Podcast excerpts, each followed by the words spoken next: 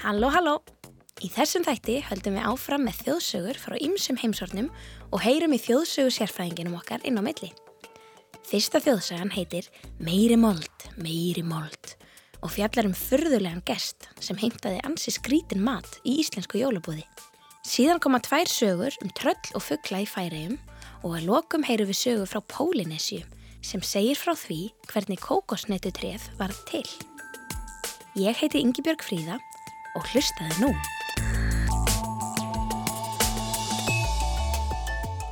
Þjóðsaga er fyrst og fremst saga sem er sögð af mönnum um, og fer milli manna, milli svæða, milli landa og getur verið þá lifandi í, í, í þúsund árum.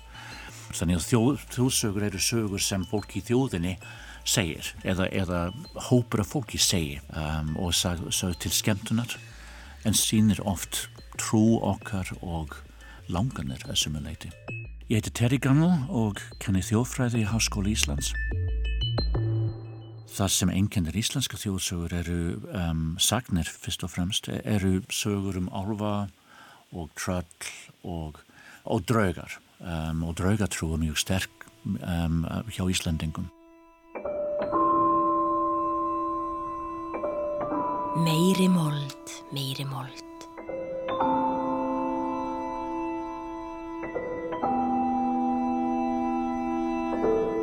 Draugar og samskipti við framliðið fólk er stór hluti af íslenskum þjóðsögum. Þessi saga er ein af þeim. Einu sinni var prestsónur. Hann var mikið fyrir að skemta sér, tók yngu alvarlega og hlustaði aldrei á negin fyrirmæli eða reglur sem honum voru settar. Jafnvel þó hann fengi skammir og gerði hann bara grínaði. Einn dag var verið að grafa fyrir nýri gröf í kirkjugarðinu við prestsetrið þar sem hann bjóð með fjölskyldu sinni. Þegar hólan var grafin komi mannabein upp úr moldinni. Meðal þeirra voru leggir, mjög stórir og miklir. Strákurinn tók upp eitt leggin og fór grínast. Vá, þetta eru reysastóri leggir. Sá sem er á þessi bein hefur mikill og staðilegu karl, en núna er hann ekki svo mikill lengur. Og sveiplaði beinunum fram og aftur. Hann held áfram að hæðast að beinunum og þeim sem hafiði átt þau, þar til fólkinu í kringum hann þótti nóg um og sögð honum að vera ekki að hæðast að hennum dauðu. Hann hlóað þeim.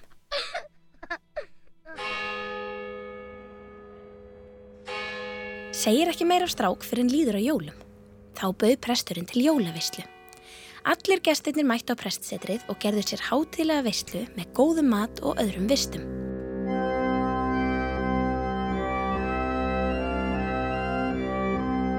Líða fór á kveldið heyrðist barið að dyrum. Þau átti ekki vona á neinum gesti, en það voru allir komnir og varð því heldur byllt við. Gestirnir híkuðu við að fara til dyra, en að lokum fór einn og opnaði. Hann sá engan. Sá gekk tilbaka og sagði engan vera fyrir utan. Þá var barið aftur. Annar gestur gekk út og sá heldur engan. Gamal maður bjó á prestsetrinu og hafði lengi verið fóstri ungadrengsins og svo eini sem gæti eitthvað tjónka við honum. Hann hallaði sér að stráknum og sagði Gakk þú út, líklega vil gesturinn finna þig. Ef þú verður hans var, skaltu taka höndans þegjandi og hljóðalust og leiðan inn.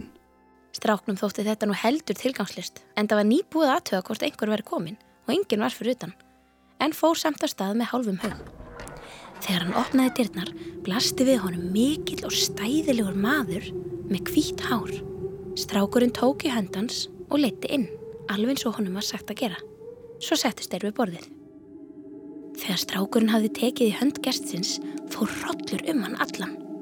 Gesturinn satt lengi við borðið en vildi ekki borða neitt. Enginn talaði við hann og hann ekki við neitt. Þá sagði fóstri Prestssonar við hann. Taktu nú disk og farðu út í leiði þar sem síðast var grafið í. Láttu mold á diskin og færðu gestinum.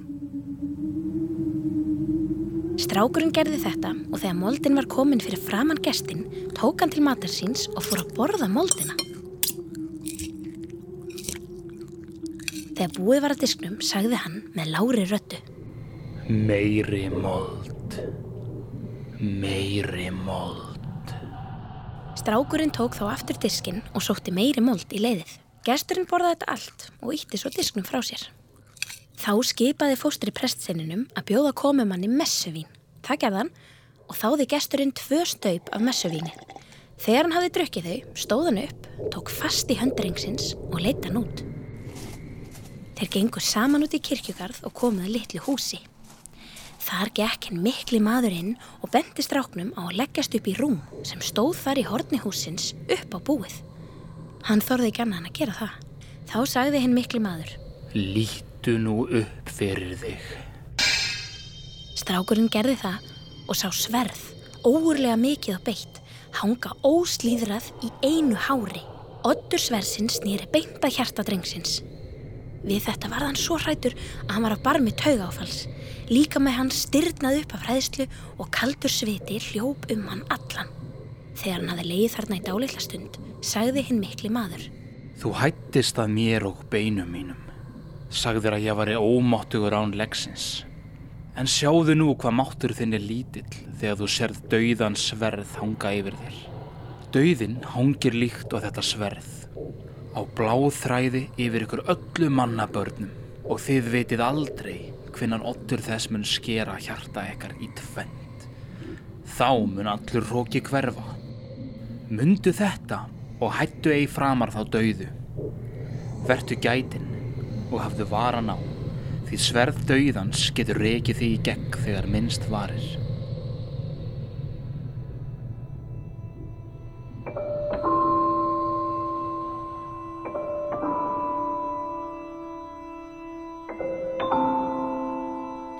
Maðurinn tók nú í höndrengsins og liti út. Þar varð pildi svo um að hann leið yfir hann. Drengsins var leitað um kvöldið og morgunin en fannst hvergi. Þegar messa stóð sem hæst á jóladag, rangaði prestsónurinn við sér og sá þá hvergi húsi sem hann hafi farið inn í. Hann stóð í miðjum kirkjugarðinu. Hann gekk til kirkju, settist á bekkin og hlíti á alla messuna. Áður fyrir hlustaði hann ekki messuna til enda, heldur fór út þegar hún síndist. Föður hans þóttu þetta breytingar til hins betra og eftir þetta var sonur hans hinn mesti siðpríðismadur og hamingjusamur. Hann glemdi aldrei nóttinni þegar dauðin hjekk yfir honum á einu hári.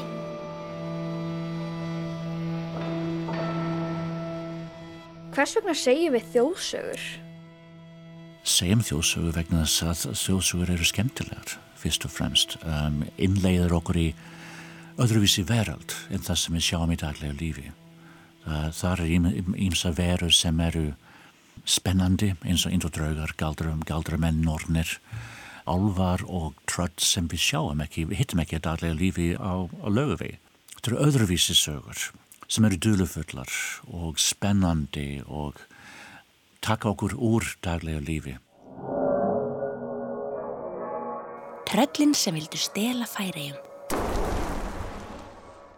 Í færiðum standa tveir drangar við Eyðiskoll, milli Eisterói og Streymói eða Austureigjar og Ströymeigjar.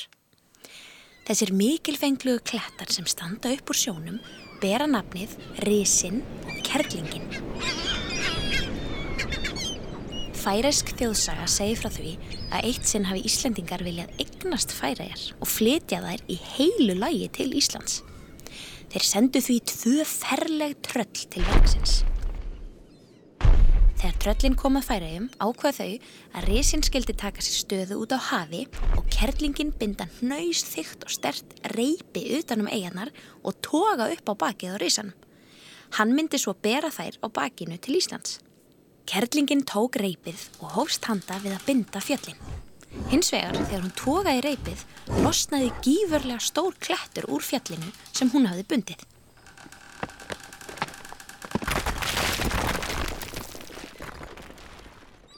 Hann sést greinilega í dag og heitir Ytri Kollur. Hún reyndi aftur að binda reypið á öðrum stað en allt kom fyrir ekki. Fjallið hakaðist ekki. Tröllin strítuðu, böstluðu, bísuðu, bröldu og glimtuðu fjallið alla nóttina og voru svo upptekinn að þau tóku ekki eftir því að sólinn var að rýsa og senda fyrstu geysla dagsins yfir fjallið.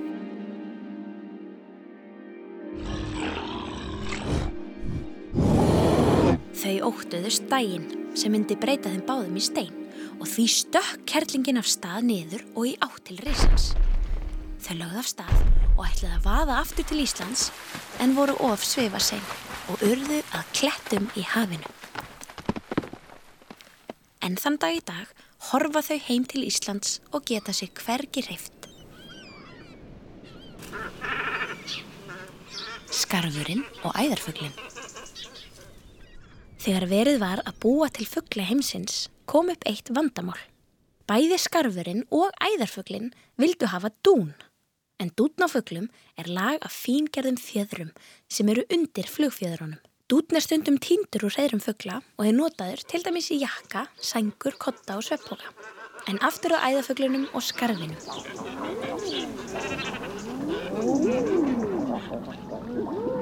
Þeim var gert að komast sjálfur að samkominlagi um hver þeirra mætti hafa þennan fíngerða og hlýja dún. Það gekk ekki vel, vegna þess að þeir voru báðir áfjáðir í dúnin. Til þess að útkljá málið og koma í veg fyrir að hvorugur þeirra fengi hafa dúnin, ákveðu þeir að sá þeirra sem fyrr vaknaði morgunin eftir og segði hinum frá að sól væri risin að fullu upp fyrir sjóndeldarhingin, hann skildi fá dúnin.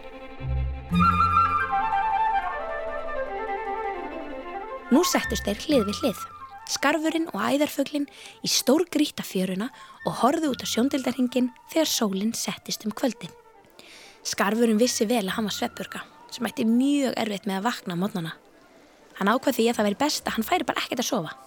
Já, það var í snjallaræði. Hann myndi vaka alla nóttina og vekja æðarfuglinn þegar sólinn væri risin. Dúttin væri vel þess virði að þurfa að vaka heila nótt. Skarfurinn var ánæði með sig því að hann, sem oftast var kallaðir svefn skarfur, ætlaði ekki að blunda eitt andartak um nóttina. Við hlið hans satt æðarfuglinn og fljótlega var hann í fasta svefni. Þetta gekk vel fyrir hluta nætur en eftir því sem leiði lengra nóttina því þingri urðu auklokkin og svefnin sótti harðar á hann. Nú mátt hann berjast við að sopningi. Hann satt þó enn hálfvakandi þegar sólinn byrjaði rétt svo að gæjast upp fyrir sjóndildarhingin og Lísa tók af degi. Hann var svo spenntur að hann öskraði upp yfir sig af gleði. Hei, hei, hei, nú er róði, nú er róði í austri. Við þessi öskur vaknaði æðarfuglinn sem var nú út sofinn. Skarfurinn var aftur á móti svo sifjaður að hann gati ekki haldið augunum opnum mikið lengur og sopnaði. Nú þegar reið mest á að vaka. Þegar sólinn reys að fulli úr hafi og var komin vel upp yfir sjóndildarhingin var æðarfuglinn ekki lengi að segja skarfinum frá. Dagur í hafi, dagur í hafi. Þannig fekk æðarfuglinn dúnin en skarfurinn þurfti að þóla enn harðari refsingu. Hann misti tunguna því hann kunna ekki að þegja þegar hann átti að halda sér saman. Því er oft sagt í færiðum hvers vegna er skarfurinn tungulus þegar einhverjum verður á að segja of mikið.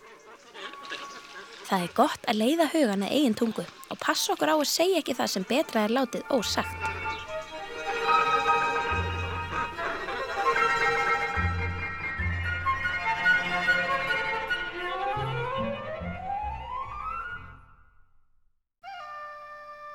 Kókosnetutrið Í mörgum löndum vaksa kókosnetutri eða kókospálmi eins og við köllum það á íslensku. Þessi tré vaksa ekki á Íslandi en þau eru víða í Asi en einnig sumstaðar í Suður Ameríku og Afriku. Orðið kókosneta er dreyið af gamlu orði í portugalsku og spænsku, kókó, en það þýðir höfuð eða hauskúpa. Af hverju ætli það sé?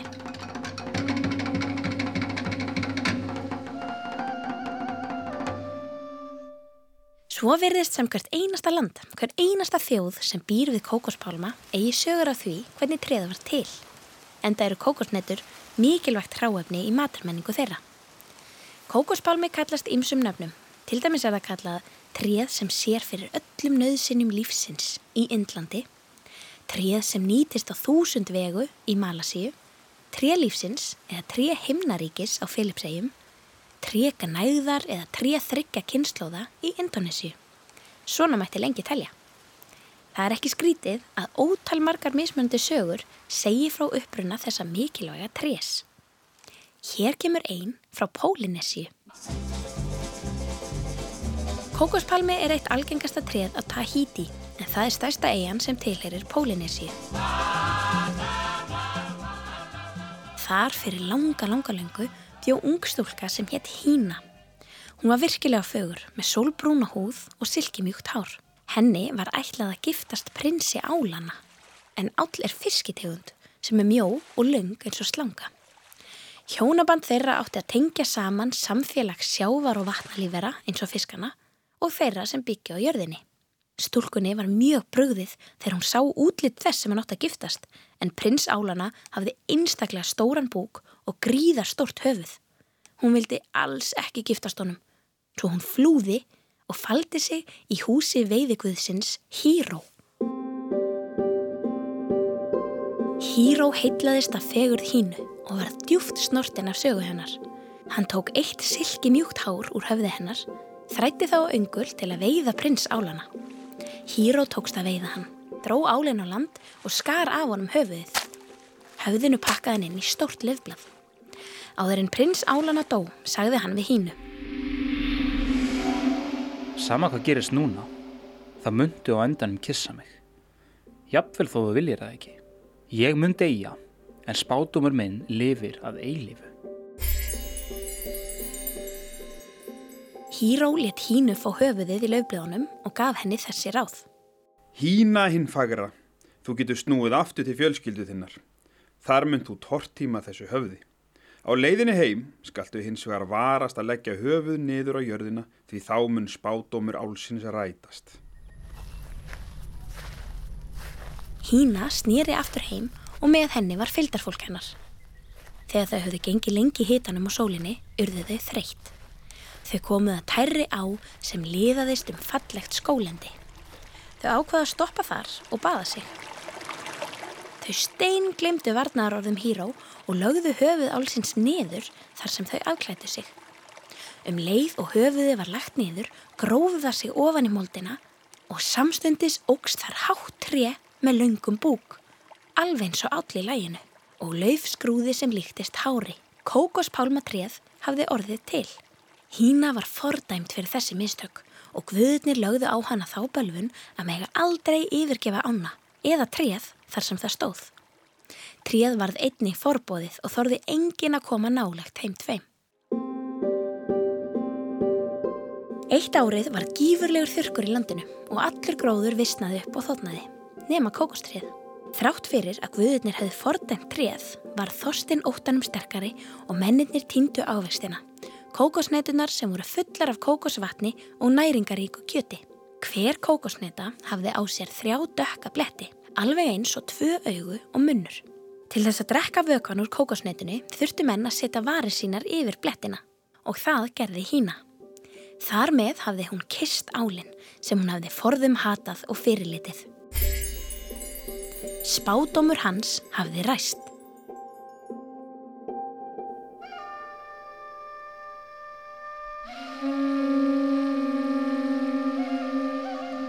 Gerist þetta í alvörunni? Er þetta allt sannar sögur? Það eru mismöndi tegund af sögum og ævintýri náttúrulega eru ekki sann, sanna sögur. En sagnir aftur á móti eru með eitthvað sem gerðist og breytast náttúrulega þegar að meðan við erum að segja sögurnar en kjarnin er, er, er sann, er eitthvað sem gerðist.